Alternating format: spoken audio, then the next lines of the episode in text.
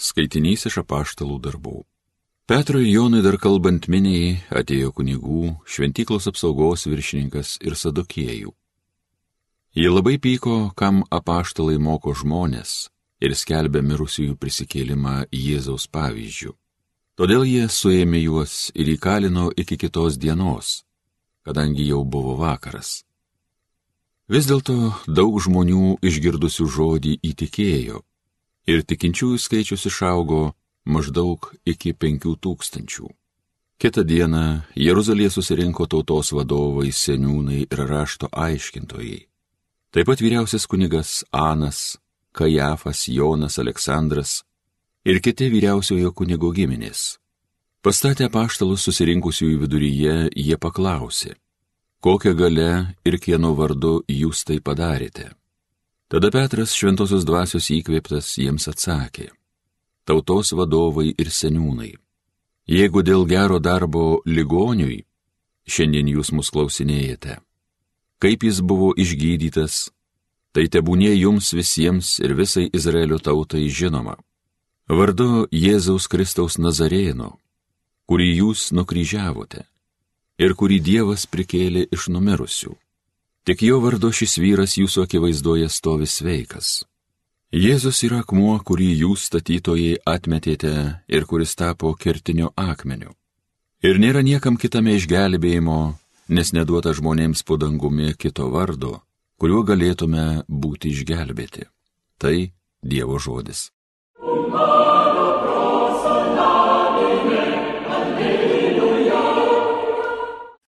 Akmuo, kurį statytojai vertė į šalį, pačiu kertiniu pasidarė. Dėkokite viešpačiui, nes jisai geras, jis maloningas per amžius. Tegul Izraelis kartoja, jis maloningas per amžius. Visi, kurie viešpaties bijo, te sako, jis maloningas per amžius. Akmuo, kurį statytojai vertė į šalį, pačiu kertiniu pasidarė. Akmuo, kurį statytojai vertė į šalį, pačiu kertiniu pasidarė, tai Dievo nulemta ir mūsų akims tai nuostaba kelia. Šią dieną laiminga viešpats padarė, džiūgaukim, kelkim linksmybės. Akmuo, kurį statytojai vertė į šalį, pačiu kertiniu pasidarė. Išgelbėk mane viešpatie mano, suteiki man viešpatie sėkmę. Palaima tam, kuris ateina viešpaties vardu. Mes laiminam jūs iš viešpaties būsto. Dievas yra viešpats ir jis mums šviečia. Akmuo, kurį statytojai vertė į šalį, pačiu kertiniu pasidarė.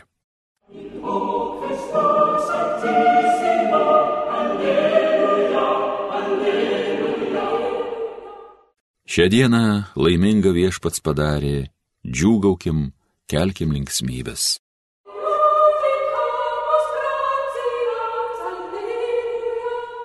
Pasiklausykite Šventojios Evangelijos pagal Joną.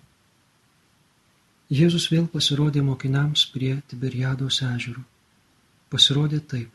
Buvo drauge Simonas Petras, Tomas vadinamas dviniu, Natanaelis iš Galilėjos kanos, Zebedėjaus sūnus ir dar du kiti mokiniai.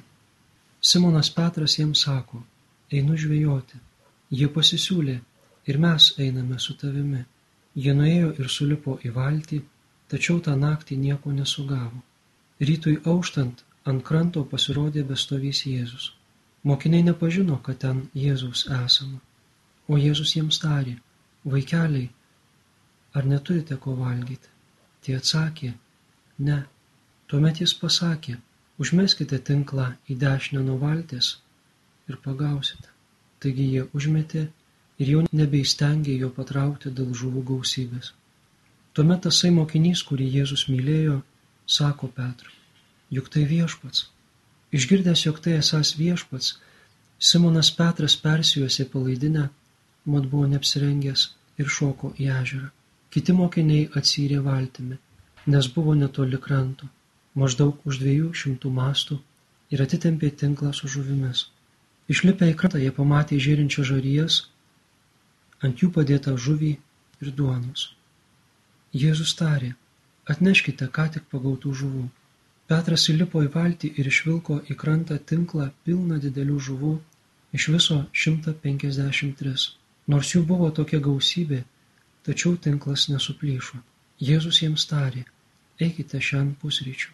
Ir ne vienas iš mokinių nedryso paklausti, kas tu esi, nes jie aiškiai matė, jog tai viešpats. Taigi Jėzus priejo, paėmė duonos ir padalyjo jiems, taip pat ir žuvies. Tai jau trečią kartą pasirodė mokiniams Jėzus, prisikėlęs iš numirusių.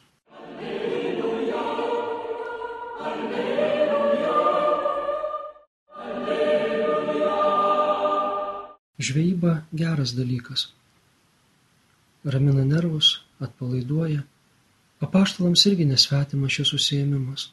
Dauguma jų Galilėjos ežero žuklės specialistai, žvejybos profesionalai, iš to valgė duoną ir maitinę savo šeimas.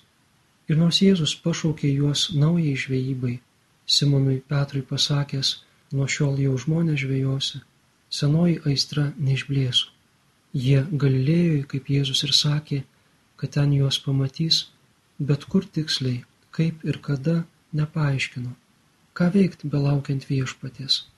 Nesėdėsiegi ranką sudėjęs. Einu žvejot, sako Simonas vadinamas Petru. Ir aš, ir aš, ir aš, atsiliepia paštalai. Į valtį susėda septyniese. Pažįstamos vyrų nuotaikos, juokai ir azartas tokiuose aplinkybėse.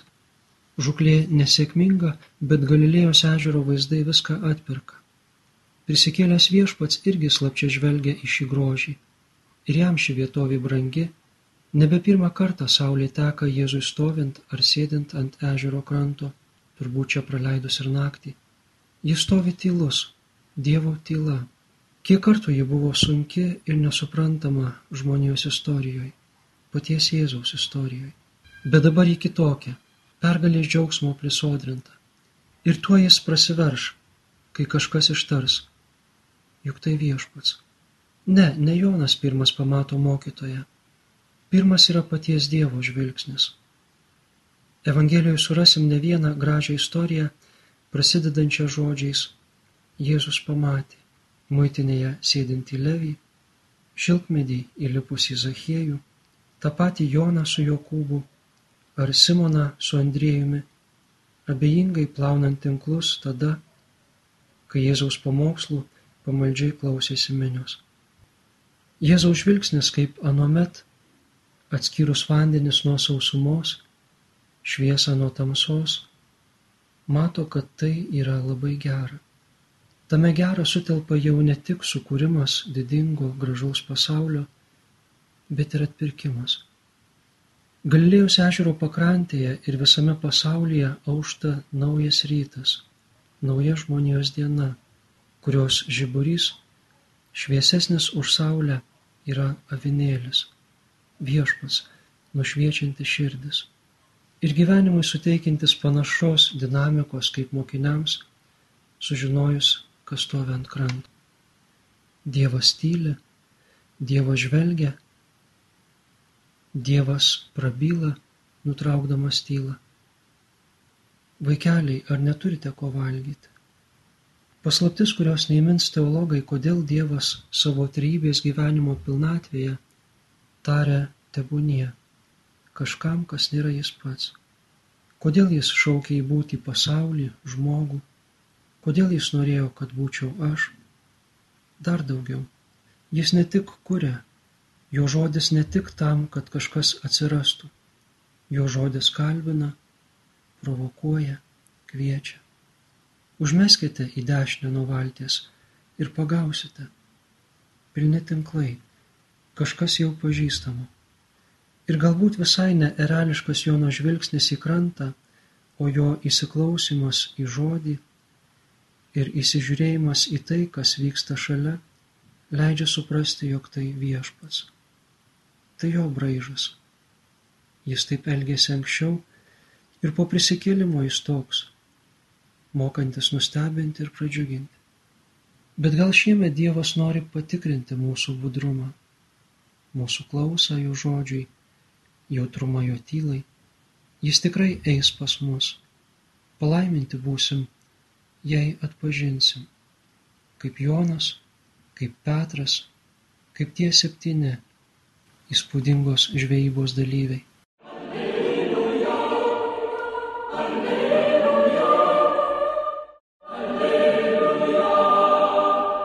Homilija sakė kunigas Mindaugas Martinaitis.